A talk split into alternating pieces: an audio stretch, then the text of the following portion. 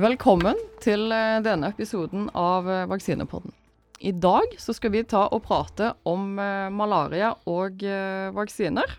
Det er et veldig relevant tema. Og i 2019 så var det ifølge Verdens helseorganisasjon rundt 229 millioner tilfeller av malaria i verden. Det var òg et estimert dødsfall på rundt 409 000. Eh, og eh, det er barn under fem år som er mest utsatt for eh, malaria. rundt 67% av dødsfallene er i den aldersgruppen. og de aller fleste tilfellene av malaria er i Afrika. Rundt 94% det sagt, så er det òg risikoområder som inkluderer eh, Sørøst-Afrika, østlige middelhavsområder og vestlige stillehavsområder og eh, Amerika. Det er òg klimaendringer som gjør at dette beveger seg. I dag så er vi så heldige at vi har uh, fått med oss uh, Frank Olav Petersen, som er uh, overlege og spesialist i tropemedisin ved infeksjonsmedisinsk avdeling på Ullevål ved Oslo universitetssykehus. Han har òg arbeidet i Tanzania, så har relevant erfaring òg derfra. Og ved siden av Frank så har vi som vanlig Eivind Fossum og meg, Gunveig Grødland, til stede.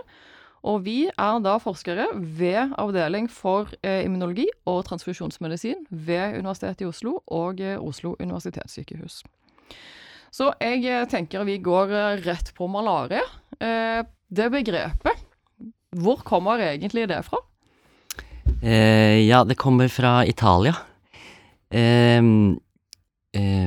det er jo italiensk-latinsk. Altså Hvis man deler de to, så er det mal aria, altså dårlig luft, betyr det. Som også har sammenheng med de teoriene man hadde om smittespredning eh, i tidligere tider, at det var, kom med dårlig luft, og særlig sånn sumpe- og myrområder, da, som det var i sentrale deler av Italia, hvor det var mye malaria. Ja, det er jo morsomt. Ha. Litt sånn eh, tilsvarende influensa, hvor du har denne her eh, celestial influence. Skjønte ikke helt opphavet. Det er morsomt. Uh, men um, det er jo sånn at det er 67% av de som uh, egentlig dør av malaria, de er barn. Hvorfor uh, det, egentlig? Ja, barn er mest utsatt for de har ikke opparbeida seg noen immunitet fra før. Um, Voksne derimot, som bor i områder hvor de stadig blir smittet med malaria, eh, vil etter hvert utvikle en slags toleranse for eh, infeksjonen og kan gå med litt parasitter i blodet sitt hele tiden uten å være noe særlig sjuke. Men mm. prisen da, for at et samfunn skal opparbeide seg denne delvise immuniteten, er eh, alle disse døde barna. Mm. Ja, fordi du sier jo den delvis immunitet. Det er ingen som er helt beskytta fra malaria. Det er en delvis beskyttelse mot alvorlig sykdom det er snakk om man får. Mm. Mm. Det stemmer. Mm. Vet vi noe om hva slags uh, immunresponser det er som dannes? Nei, altså, vi har sett noen sånne studier som går på uh, rett og slett at man får dannet da antistoffer som gjenkjenner disse malariaparasittene uh, mot ulike overflateantigener eller ulike overflateproteiner på disse malariaparasittene.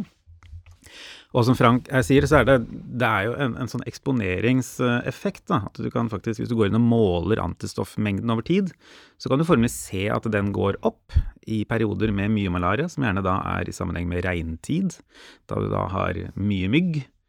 Eh, og så faller den igjen når det da, i, i tørkeperioder der eh, mengden av mygg rett og slett går ned. Og så får du en sånn gradvis sånn syklisk eksponering som da gir høyere og høyere eh, antistoffnivåer. Som sannsynligvis da bidrar til at det kommer du over en viss terskel i, i mengden med, med, med antistoffer, uh, og at immuniteten blir høy nok, så havner du da Da er du ikke fullt beskyttet, men i hvert fall da unngår du disse alvorlige sykdomstilfellene. Eh, og vi som er født og oppvokst i Norge, da, vi blir jo ikke eksponert for malaria lenger. Det var riktignok malaria i Norge i Østfold og kanskje litt i Vestfold for eh, 150-200 år siden en godarta form. Men eh, vi blir jo da som disse eh, små afrikanske barna hvis vi reiser til et område hvor det er eh, mulig å bli smitta med malaria. For vi har ingen beskytt, opparbeidet beskyttelse, ikke sant. Sånn at det er ikke bare barn som kan bli alvorlig syke, men alle som aldri har vært eksponert for malaria før, kan bli alvorlig syke og dø. Og det er vel den, kan du si, klassiske tropeinfeksjonen som reisende kan dø av. Men er det òg unntak av de som bor i disse eksponerte områdene? Er det en sånn regel at de aller, aller fleste danner denne typen eh, delvis beskyttelse, eller er det unntak som i voksen alder plutselig får eh, alvorlig utfall? Ja, du kan si at eh, det er jo en del i Norge som er vokst opp i områder hvor de har blitt utsatt for malariasmitte gjennom barndommen, og sånn sett har utviklet denne semi-immuniteten, kaller vi det. Mm. Eh, men når de da flytter til Norge og ikke blir får noe påfyll, så vil den avta over tid. Mm. Eh, og det kan være litt skummelt, for de tenker kanskje ikke så mye på det sjøl, for at eh, dette er jo vant til at jeg har hatt hundre ganger, ikke sant, mm. og jeg blir ikke dårlig av det, men plutselig da kan de bli dårlige. Mm. Men hvis du da altså bor i det området kontinuerlig og blir eksponert, så er du rimelig eh, trygg sånn? Ja, man skiller mellom Man deler liksom disse geografiske områdene opp i hvor det foregår helårlig smitte, og så litt som du var inne på i stad, at eh, det kan variere med årstiden, med regntid typisk, andre steder, ikke sant. Så hvis det blir helt tørke, så mm, trives ikke myggen lenger. Og da vil du kunne få sånn oppbluss av eh, mer alvorlige tilfeller også hos voksne, og spesielt gravide er utsatt, forresten. Eh, hvis de liksom ikke, ikke har denne kontinuerlige eksponeringen. Ja, nemlig. Men eh, malaria, det er jo noe vi alle egentlig har eh, hørt om. Eh, ettersom det stort sett er noe du får i Afrika, så er det veldig få av oss som har hatt det. Så hva er egentlig symptomene? Hvordan merker du det, og hva kjennetegner en malariasykdom? Ja, du må ha vært i et område hvor det finnes malaria. Det er jo punkt én, selvfølgelig. Eh, og kanskje tidligst en uke ti dager etter eh, bitt, så eh, vil man utvikle feber. Og det er feber er egentlig det eneste symptomet som alle med malaria har. Eller så kan man ha mye ved siden av. Man kan få vondt i hodet, og man kan ha vondt i muskler og ledd, og man kan til og med få diaré. Eh, og så kan man se det på på blodprøver. Vi ser ofte noen typiske utfall i blod, noen blodprøver, da. Um, og hvis dette får gå lenge nok, eh, så kan man bli få alvorlig malaria. Og eh, ja, da kan man bli få kramper, miste bevisstheten. Eh, man kan få bli gulsott, man kan eh, få lav blodprosent, eh, man kan få rask og ukontrollerbar pust fordi at man blir eh, pH-en i blodet faller, så man blir sur. Så prøver vi å kompensere for det ved å puste fortere. Og multiorgansvikt, egentlig. Det, altså, ja, det er ikke det organet som ikke Eller, eller den funksjonen som ikke kan rammes, da, hvis det blir alvorlig nok. Ja, det er ikke noe du har lyst på. Men eh, hvis du tar og starter behandling i løpet av eh, kort tid, vil du da kunne redusere muligheten eller sannsynligheten for eh, at det utvikler seg til et alvorlig forløp, i hvert fall? Eh, ja, altså de medisinene vi bruker nå eh, er veldig effektive. De dreper parasittene veldig fort. Eh, så allerede Altså når vi eh, diagnostiserer malaria, så ser vi på et blodutstrykk. Fordi disse parasittene er synlige inni de røde blodcellene. Og så teller vi eh, hvor stor, eller prøver vi å beregne hvor stor fraksjon av de røde blodcellene som har parasitter inni seg. Det kaller vi parasitemigrad. Og den kan falle fra å være høy, og høy parasitemi her er liksom over 3-4 prosent, eh, til under 1% fra en kveld til neste dag. Mhm. Ja. Altså, så det er altså, jeg tenker på, så altså 3-4% av alle blod, altså røde blodlegemer kan være smittet. Mm. Det er, det, det, er, det er jo fryktelig mange parasitter. Ja, Det er- eh, eh, det er helt sprøtt, og det kan jo bli mye høyere. Eh, Ja. 10-20% Vi har vel hatt også i Norge opp, jeg har sett opptil 30% men det er jo da Ja, det er ekstremt, eh, da. Ja. Ehm, ja, så det er noen Det er vel blitt litt mer moderne å angi antall parasitter per mikroliter blod nå, da, etter at man også har eh, PCR-diagnostikk, Mm. sånn at man kan kvantifisere det litt bedre. Men det er snakk om mange tusen per mikroliter. eh, Ja. Ja, med de mengdene så skjønner du virkelig hvorfor dette kan bli eh, alvorlig. Eh, vi var litt inne på det. Det er jo denne her myggen som eh, forårsaker eh, malaria. Men eh, hvordan gjør han egentlig det? Og hva er egentlig eh, Du sa det hadde vært malariamygg her i Norge for eh, rundt 150 år siden. Hva kjennetegner egentlig denne myggen? Ja, den myggen er vel her fortsatt, faktisk. Men det Mhm. har også vært eh, malariaparasitter da, i mygg i Norge. Mhm. Eh, så det er en familie eh, mygg som heter Anopheles, som eh, er den mest effektive vektoren, som vi kaller det, for malaria. Altså som kan bære parasitten fra menneske til menneske. Og denne syklusen er jo ganske komplisert, men det som skjer er at når myggen stikker en person som har malaria, så suger den til seg hann- og hunnkjønnsformer av parasitten. Og så foregår det da en seksuell formering i eh, myggens mage. Og så eh, blir da de datterparasittene eh, frakta til spyttkjertler. Og så endrer de fasong, sånn at de blir så tynne og lange at de kan følge med eh, snabelen ut neste gang myggen stikker en annen person. Ja, Det er jo ok, alvorlig, men òg egentlig ganske superkult. Det er, det er jo det, sånn rent sånn teknisk. Og så denne, denne tynne, lange parasittformen kalles eh, for en sporozoit. Og den eh, farer beinveges til levra, Mm. som eh, de korte fettsyrene. Og det går på veldig kort tid. Mm. Så det er, eh, det er litt vanskelig for kroppen å nærmest rekke å lage noe immunrespons mot akkurat den formen. Mm. Med mindre man får stadig påfyll av den. Mm. Ja, så går den inn i leverceller, og der er det en aseksuell formering. Fra én parasitt kan bli til mange tusen nye inne i en levercelle, og så sprekker den. Og så eh, farer de dattercellene ut i blodet og finner seg røde blodceller.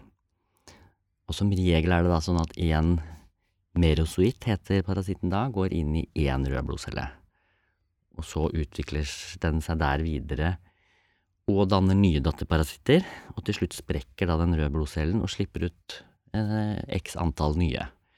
Og så blir det en sånn syklus av det. Eh, og så lager den samtidig noen sånne kjønnede former som ser annerledes ut, som vi kan se i mikroskopet. Mm. Dette er han- og hunnkjønnsformer. Det er eh, litt forskjellige typer av eh, parasitter, og de eh, gir litt forskjellig eh, sykdomsgrad. Ehm, det er vel òg spesielt en av de, som er den man prøver å forebygge ved hjelp av vaksiner og lignende. Det er den her plasmodium falciparum. eh, I uh, hovedsak. Den gir vel rundt 99,7% av tilfeller i Afrika. Ehm, men hvordan har det seg at det har Altså, du har litt forskjellige mygger, du har litt forskjellige typer eh, parasitter, eh, og litt forskjellig alvorlighetsgrad. Hvordan er det egentlig sånn at det blir såpass store forskjeller med disse forekomstene? Eh, ja, det er jo falsiparum som er interessant sånn i verdenssammenheng, fordi at det er den som gir størst eh, sykelighet og dødelighet. Altså det er den alvorlige ja, Maligne malaria det også, ble det også kalt før dette. Eh, og den er eh, liksom ekstra god, da, flink til å lage eh, nye parasitter. For det første så er den veldig lite kresen eh, og promiskuøs. Den liksom går inn i hvilken som helst rød blodcelle den eh, ser. Den skiller ikke på gammel, ny, ung, eh, whatever. Og så er denne delingen i levercellene mye mer effektiv hos denne parasitten enn hos de andre. Så én sånn sporosuitt kan bli til kanskje 20 000 merosuitter Mm. per celle, ikke sant? Så da går det veldig fort, da. Da får du veldig raskt en eh, Eller er sannsynligheten for at du raskt får en høy parasitemi, er mye større enn for de andre parasittene, der denne prosessen er mindre effektiv. Og for f.eks. Vivax, som er den nest vanligste eh, malariaparasitten, eh, så er den mye mer kresen. Den vil bare gå inn i helt nye, ferske røde blodceller. Og de er det mange færre av. Det er bare 1-2% Så da klarer ikke den eh, egentlig å infisere flere enn det, ikke sant, maks. Mm. Så derfor så får du aldri så høy parasitemi, da, med en del av de andre. Det eneste unntaket er kanskje denne herre Nolesi, eller Nolesi, som er en relativt ny art som har hoppet over fra en ape-type til menneske i Sørøst-Asia. Den kan også gi til dels alvorlig sykdom av høy parasitemigrad. Nei, en ting jeg lurte på her, altså for at dette her er altså falciparum, da, denne, denne alvorligste formen som er mest utbredte. Den går kun på mennesker, gjør den det? Altså, altså alle disse har vel egentlig vært Altså det er vel egentlig zoonoser i bunn og grunn. Mm. altså det kommer fra dyr mm. opprinnelig. Ja, man har jo men, eh, påvist andre dyreplasmodiearter i mennesket enn disse fem. Ja, men er de artsspesifikke, eller kan de type suge blod eh, fra både mennesker og dyr, eller er de liksom det er mennesket som er hovedreservoar for mm. eh, falciparum. Ja. Mm. Ja, for det, det, er vel en sånn viktig, altså, viktig punkt i, hvis man skal prøve å slå det ned, da, eller på en måte stoppe mm. spredning av malaria. at Hvis man klarer, å, klarer man å slå det ut i mennesker, så har mm. man en, en god mulighet for å utrydde falciparum sånn generelt sett. Nå er det jo et stykke dit, for å si det forsiktig. ja. men, men, eh, litt av utfordringen med, med enkelte sånne uh, parasitter er at de har f.eks. et stort reservoar i, i dyr. Sånn at du, og da, da, blir det mye vanskeligere umiddelbart å behandle de, altså eller fjerne det reservoaret da, som da smitter over til mennesker mm. sånn kontinuerlig. Altså, mm. Absolutt. Mm. Der er du egentlig inne på noe. Hva gjør man egentlig for å forebygge dette, uh, i dag primært? Det er jo uh, Man bruker uh, myggnett. Det ser man jo bilder av og hører mange historier av. Jeg husker spesielt jeg var på en konferanse for noen år siden. Da var det en lege fra Afrika som etter et foredrag om vaksineutvikling mot malaria kom opp og sa du, vet du hva? Jeg kan ikke fatte og begripe at ikke dere bare kan bruke disse pengene på å betale myggnett for oss og kjøre de ut av Afrika heller, for det er det vi faktisk trenger. Uh, så det brukes opplagt. Og så bruker de med spray innendørs med insektmiddel et par ganger i uh, året. Og dette har jo i tillegg til drenering av uh, vann, selvsagt, for å fjerne myggen sine leveområder. Så det er flere Eh, tiltak som eh, man kan eh, sette i gang for å bli kvitt denne myggen. men nå har man jo òg sett at det er noen utfordringer med disse virkemidlene. Det blir resistens mot disse myggmidlene som brukes. det er masse utfordringer egentlig. Men funker det? Ja, altså det funker jo å unngå å bli bitt, rett og slett. Mm -hmm. Eh, og denne myggen, da, eh, anopheles-myggen, den er mest aktiv i, liksom i skumringen på kvelden og, og gjennom natta og til sola står opp igjen. Den eh, liker ikke sola, blir for varmt. Eh, og um, den kan også oppholde seg innendørs. Det er noen mygg som ikke liker seg innendørs, men denne gjør det også. så derfor så fungerer impregnerte eh, myggnett, hvis du bruker dem riktig over senga og tetter til rundt og Ja, så må de jo da impregneres regelmessig. Altså noe av problemet med sånne tiltak som settes i verk, er jo at de også må vedlikeholdes. Mm. Um, for disse myggnettene går i stykker. Uh, ja, så trenger de flere, eller altså, ikke sant. Det, det må være en slags uh, uh, Hva heter det? En kjede som klarer å opprettholde tilgangen og reparere og reimpregnere osv. Um, men en annen viktig ting da, som sikkert alle nå vet takket være korona, det er at det også er viktig å identifisere de som er syke, og behandle dem, for det reduserer jo også det totale smittepresset. Så for eksempel i mange land i Afrika hvor det er mye malaria, så gir man jo gravide forebyggende behandling. Eh, man kan også gjøre det til, til barn. Og reisende skal jo, bør jo ta også forebyggende medisinsk behandling i tillegg hvis de reiser til eh, malariaendemiske områder, da. I tillegg til å bruke myggstift og, og ja, sånn myggnett osv. Så Dekke seg til om kvelden og sånn. Vi vil jo bare kle av oss fordi det er varmt, ikke sant. Men det er ikke så lurt, da.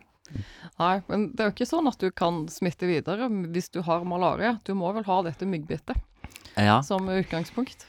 Ja men det kan smittes ved blodoverføring og organtransplantasjon sånn, det blir litt s- s- Det blir spesielle Mm, tilfeller. Da regner jeg med at man er spesielt oppmerksom på problemet. Det er man. Uh, det er det nok. Uh, men uh, nå er det jo egentlig sånn at man har altså behandlingsmåter, hvis man kan kalle disse nettene og sånt for det, som eh, rimelig funker. Men likevel så er det jo sånn at disse ikke er tilstrekkelig. Altså disse er jo implementert uh, i den tidsperioden hvor vi likevel ser at uh, det er død, dør nærmere eh, 500 000 personer. Så man trenger jo opplagt uh, noe mer.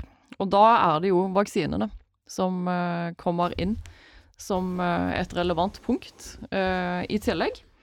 Eh, og nå er det ikke så veldig mange, eh, par uker kanskje, siden vi fikk nyheten om at det endelig er eh, en vaksine som er anbefalt brukt i Afrika generelt, i barn, mot eh, malaria.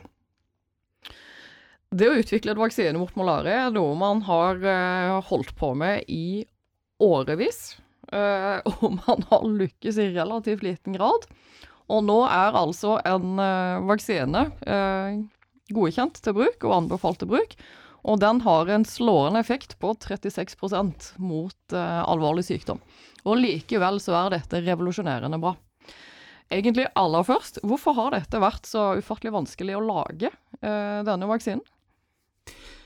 Nei, altså det er, det er flere grunner til det. Eh, nå har vi på en måte snakket litt om den kompliserte livssyklusen til malariaparasitten her. At den går da gjennom ulike stadier.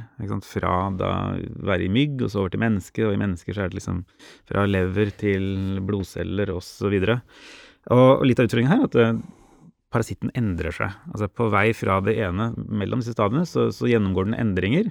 Og som bl.a. Uh, resulterer i at det er ulike sånne antigener eller proteiner på overflaten av disse parasittene. Så for å ta en sammenligning da, med det derre SARS-CoV-2, med at de fleste har jo det sånn friskt i minne nå, og covid-19, så har vi jo disse vaksinene som baserer seg på denne overflatepiggen på SARS-CoV-2-viruset. Det fine med SARS-CoV-2-viruset er at eh, alle virusene har denne overflatepiggen på, på overflaten. Eh, Så klarer du å sette i gang en immunrespons mot den, så, så har du en god sjanse for å stoppe viruset. Eh, til sammenligning da, så endrer da hele tiden denne overflatetaggen på, på malariaparasitten, eller disse overflateproteinene, de endrer seg. Fra den ene, øh, øh, ene varianten, eller den, den ene formen, til den andre, etter hvert som den går gjennom livssyklusen. Og det gjør at hvis du setter i gang en immunrespons mot f.eks.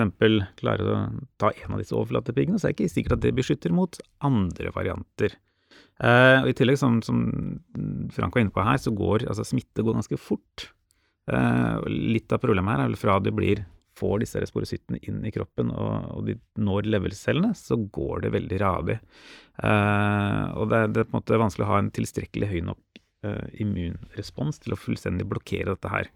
Og når du kommer hit til det blodstadiet, så går det enda raskere fra en sånn eh, infisert blodcelle sprekker og frigjør nye sånne merozoitter, så går det altså sekunder før de har gått videre og så smittet nye blodceller. Og da på en måte ha en tilstrekkelig høy grad av antistoffer til å blokkere disse her, det har vært utfordrende.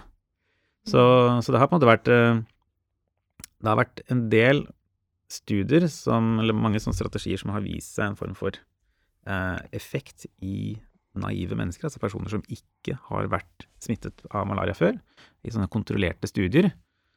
Eh, men de har sliter med rett og slett å vise effekt når du da kommer ut i felt der det er eh, sant, større variasjon i befolkningen, det er høyere smittetrykk, er, det er ikke sånn kontinuerlig smittetrykk, eller du har sånn i, i sykluser. eh, og, og da så vise den i den ekte verden har vært vanskelig, og der, derfor er på en måte den derre altså, sammenlignet her, altså 36 Mm.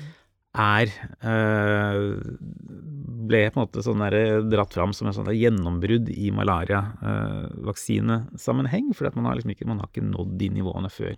Mm. Og som en, ja, tross alt, som vi snakket om litt om tidligere, at eh, eller, altså 36% kan utgjøre ganske mange mennesker. Og, og når det er millioner av mennesker som blir smitta. Mm. Så, så effekten kan allikevel være ganske sånn betydelig når det kommer til å forhindre alvorlig sykdom og død. Eh, Absolutt. Og det er jo på en måte, som du er inne på, altså problemet med vaksineutvikling er at vanligvis så tar du utgangspunkt i den responsen hos overlevende som faktisk typisk gir livslang beskyttelse mot infeksjonen i etterkant. Og her har du ikke et sånt demologisk parameter. Du vet rett og slett ikke hva du skal lage vaksinen mot. Eh, og som Frank var inne på tidligere, du må ha denne kontinuerlige eksponeringen for å opprettholde noe som altså kun gir delvis beskyttelse. Og da blir det, som nå Even illustrerer, veldig vanskelig å finne ut hvor du skal rette vaksinen.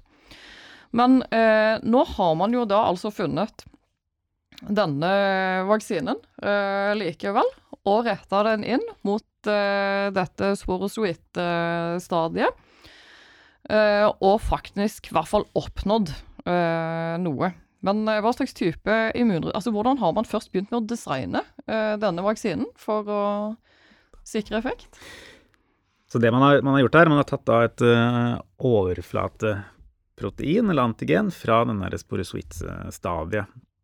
Det heter altså sirkumsporozoittprotein, kalles dette, dette proteinet, og det er da et av disse proteinene som, som dekker overflaten, og som er ansvarlig for å binde eh, til levercellene. Så det er viktig på det for, få, for at disse parasittene skal komme og infisere levercellene.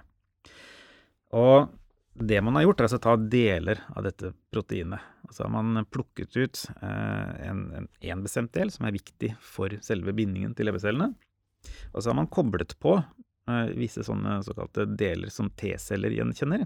Så man har da en, en vaksine som skal gi en kombinasjon av antistoffer som forhindrer smitte, og i tillegg så har man da visse sånne T-cellebiter som da skal kunne, for å sette i gang T-celleresponser, som skal kunne gå inn og ta liv av smittede leverceller. For på den måten så prøve å eliminere eh, de, si, de, de parasittene som slipper igjennom, da, som klarer å unngå antistoffene og kommer seg til levercellene allikevel. Og så har man koblet det hele til rett og slett et hepatitt B-antigen, eh, som er en sånn slags litt sånn hjelpeprotein, som annet er med å sette i gang bedre immunresponser, men også for oss å måte bidra til strukturen på hele, hele vaksinen. Så det er egentlig den, der, den kombinasjonen. Så RTS-S, som det heter, Mm. R-en står faktisk for repeat, og det er da den biten som skal lage antistoffer. T står for T-celler, og det er da disse bitene som skal sette i gang T-celleresponser. S står da for uh, S-antigenet fra hepatitt B-viruset, så der kommer den der RTS-biten fra. Ja, og denne vaksinen gikk jo egentlig gjennom en fase 3-studie for eh, ganske mange år siden. Men eh, for å få denne gode effekten på 36% så måtte man altså gi fire doser i barn, hvorav de tre første med bare en måneds eh, mellomrom. Og det regnet man jo med at eh, befolkningen ville ha litt problemer med å følge opp, egentlig. Fordi det er ganske omfattende regime å be folk møte opp på helsestasjoner for å gjennomgå det. Og Derfor så tok eh, WHO allerede i 2019 og implementerte et pilotprosjekt i eh, Ghana, eh, Kenya og Malawi for å se på om en sånn strategi faktisk ville fungere i eh, den virkelige verden. Eh, og Det som da skjedde for et par uker siden, var at de oppsummerte de funnene fra denne pilotstudien og fant ut at ja, dette er et problem som folk anerkjenner, til tross for at effekten er lav. Så møter folk opp for å få denne vaksinen, og det er derfor Verdens helseorganisasjon gikk inn for at nå skal denne kjøres ut i hele Afrika, fordi folk ser at de trenger den. Det redder jo liv eh, årlig. Jeg bare kan spørre om noe. Eh, fordi jeg tenker ok, 36% effekt mot alvorlig sykdom og død. Det er det som er endepunktet, eller? Vel, klinisk eh, Det klin- kliniske fase 3-endepunktet. Ja. Mm. Eh, men er det sånn at eh, ikke er skadelig for de andre. ikke sant? Det er sånne ting man da må vurdere hvis effekten er eh, liksom relativt sett da, eh, lav. Eh, og om det liksom beskytter noe, men ikke Altså, var det noen i den andre, altså de andre eh, som den ikke vi- Hvor mange var det som ble sjuke av dem som ble vaksinert, da? Ja, eh, det var jo en del, men en betydelig lavere andel enn i eh, de som ikke ble vaksinerte. Mm. Eh, og når denne ble godkjent òg, så er det fordi den hadde en akseptabel risikoprofil. Eh, som òg har vært en utfordring med disse vaksinene, for å prøve å gi en sterk nok immunrespons til at det faktisk har effekt. Mm. Det har hatt noen konsekvenser på bivirkninger som ikke har vært eh, tolererbare. Det er jo òg det skjæringspunktet du alltid jobber med på vaksiner hvor eh, ligger akseptabelt nivå. Og her var det den kombinasjonen som faktisk eh, var tilfredsstillende. Nei, for jeg har også sett at det er eh, altså, Denne effekten av vaksinen, den, den er jo avtagende.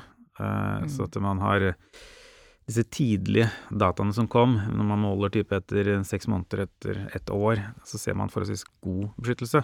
Mm. Og så avtar denne gradvis. Sånn at uh, disse fase 3-studiene som er målt på 36% det er vel da etter fire år, eller tre-fire år, noe sånt noe. Mm. Og da er jo mm, gjerne eh, beskyttelse på ikke, nærmere rundt 70% etter seks måneder, et år, og så har det falt derfra, da. Mm. Så det er jo et spørsmål om hvordan man kan eh, altså videreutvikle denne strategien da, med, med vaksinering. Eh, om man kan finne bedre eh, regimer rett og slett for å gi vaksinen, Mm. eh, som gir bedre beskyttelse. Og jeg tror der også gjøres det ting nå der man prøver å altså, Hvis jeg har forstått det riktig, så har disse, disse studiene gjort litt i forhold til når barnevaksinasjoner, altså barnevaksiner settes generelt sett. Så man på en måte tatt med disse malariavaksinene. Mm. I tillegg eh, når eh, da barn får andre vaksiner. Eh, det er ikke nødvendigvis den optimale timingen for å sette i gang den beste responsen mot malaria. Så da, men, men selvfølgelig det er jo praktiske hensyn her også, som du sikkert eh, vet betydelig mer om. At hvordan du skal få dette til å gå opp rent, eh, rent praktisk i, i land som da eh, er der malaria er eh, for, ja, forekommer i høyest grad. Mm. Så selvfølgelig der har du utfordringen at det, det, er, det er heller ikke de landene som har, kanskje har de best utbygde helsesystemene, og der dette kan rett og slett by på, by på utfordringer. Ja, det kan være vanskelig å få folk, folk til å møte opp. Ja, ikke sant. Man må jo ha en fungerende kuldekjede og alt, f.eks. for eksempel. Men det, det fins jo eh, vaksinasjonsprogram for de vanlige barnesykdommene eh, i eh, alle land, også i Afrika. Eh, sånn at eh, eh, Og ja, det gjenkjenner litt den diskusjonen fra da man skulle starte å behandle eh, personer med hiv i Afrika, for da var det så vanskelig og umulig å få til. Eh, men det var jo ikke det. Man måtte bare bestemme seg for å gjøre det. Og da gikk det veldig bra. Det går mye bedre egentlig enn det gjør i Vesten mange steder. Så eh, det er litt en sånn viljesak også, og ja, de får jo ja, Meslingevaksine skal man jo få ved ni måneders, eller tidligst ved ni måneders alder, eksempel. Sånn at det er jo en veldig viktig vaksine i mange land i Afrika sør for Sahara. Sånn at man kunne jo tenkt seg kanskje etter hvert at det kommer noe boosterprogram, altså opp, eh, oppfriskningsdoseprogram, kanskje? Jeg vet Mm. ikke. Altså det ble jo de, de vaksinene som er gitt, eller det programmet som er gitt nå, der ble det gitt eh, eller den fase 3-studien, der ga man altså én dose malariavaksine, eller tre, tre doser, én måneds mellomrom. Og så ble det gitt en oppfriskning etter 18 måneder etter den tredje, tredje dosen. Så jeg tror det de altså, Det jeg har sett at de skulle prøve å, vurdere nå, var å gi disse boosterdosene, da, tettere opp mot når, du var, altså når sannsynligheten var størst for å bli eksponert for malaria. Mm. Så hvis du på en måte timer det litt mer da, i forhold til sånn sesongvariasjon, kanskje da å ha en høyere antistoffrespons rett rundt den tiden da sannsynligheten er høyere for å bli eksponert, det potensielt sett kan gi bedre effekt da, enn en, en disse tre faste injeksjonene, sånn én måned mellomrom, og så, ja. Så jeg tenker der vil det sannsynligvis komme altså, komme videreutviklinger og på en måte forbedringer av hvordan vaksinen settes og sånn. Det må det jo, For alternativet er jo bare at du forskyver det tidspunktet hvor eh, malaria er eh, dødelig. Eh, som du sier, du må ha repeterte eksponeringer for å faktisk bygge og vedlikeholde den immuniteten. Og hvis du begynner med vaksiner, og så bare terminerer, så betyr jo det at faktisk viruset, nei, unnskyld, parasitten må ta over og gjøre den jobben framover. Uh, så det må jo være en eller annen form for oppfølging utover de første dosene. Men jeg tenker òg det er ganske viktig, og som du sa, Even, altså det var 36% effekt etter fire år. Eh, fordi det, denne vaksinen har òg blitt gode, eh, sammenlignet en del med en eh, R21-vaksine, eh, som nå er i fase 3-studier, eh, og som har eh, vist en 77% effekt. Men det er etter ett år. De oppdaterte tallene for denne vaksinen, det har man jo ikke i en lengre tidsperiode. Og det tenker jeg er en viktig distinksjon, samtidig som det viser at man fortsetter arbeidet for å prøve å finne enda bedre strategier for å vaksinere bedre i uh, framtiden. Mm. Det er det mange grupper over hele verden som jobber med. Jeg tenker det er eh, For oss som sitter her oppe i nord, så er det litt vanskelig eh, Så det, er det lett å liksom snakke om Afrika som et land. mm. altså ett sted. Eh, og det er jo et kjempekontinent med veldig store geografiske og klimatiske forskjeller fra nord til sør og øst og vest osv. Eh, sånn at innad i Afrika så har de ulike landene veldig ulike utfordringer, egentlig. Eh, altså, det er jo noen land, også utenfor Afrika, som eh, nærmest har klart å utrydde malaria. Eh, ved hjelp av forebyggende tiltak med myggnett og, og spraying innomhus osv. Mens der hvor intensiteten er høyest, så går ikke det. Ikke sant? Og, og så er det, er det, også noen som har vært litt redde for å fjerne den all eksponering, da, fordi at det vil jo forhindre at de utvikler den naturlige semioimmuniteten også. Mm. Sånn at den ideelle vaksinen skulle beskytte deg mot alvorlig sykdom, og så tåler du å få noe, litt, litt malaria innimellom. Det hadde liksom vært det gunstigste, da, hvis, hvis man oppholder seg i områder hvor man ikke klarer å utrydde det, rett og slett. Ja, men det er et godt poeng. Fordi det tilsier at hvis vaksinene klarer det, og det må man jo følge opp videre framover, så kanskje de eh, fire årene ikke er så dumme, hvis du forutsetter at du blir eksponert videre framover. Mm. Nei, for når, når, er det du Altså, fra, i hvilket stadie er det du på en måte du skal klare deg til. Uh, sånn, eh, sånn, sånn, at det er, det er fra en viss alderdom at du da du, du, kan anses for å være, om ikke fullt beskyttet, i hvert fall, men, men bedre beskyttet mot alvorlig sykdom.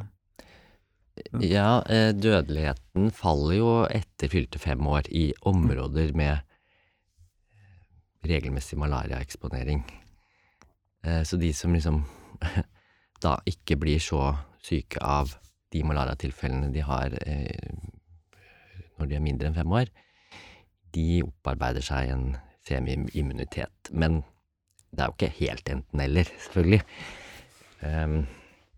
Så det er, det er, jo en veldig høy pris for et samfunn å betale liksom, for den flokkimmuniteten som de opparbeider seg. da. Mm. Uakseptabelt høy pris, selvfølgelig. Mm. Det er eh, Ja, vi er i Norge nå. Uh, og pga. Klimaendringer så har man jo sett at det er nye arter som begynner å bevege seg oppover, og det blir nye eksponeringer. Og som vi har vært inne på tidligere, så har denne myggen noen preferanser, sånn rent biologisk. men Vel, med det vi vet om disse myggene, er det trolig at vi faktisk vil kunne få myggtyper til Norge som for, forårsaker malaria.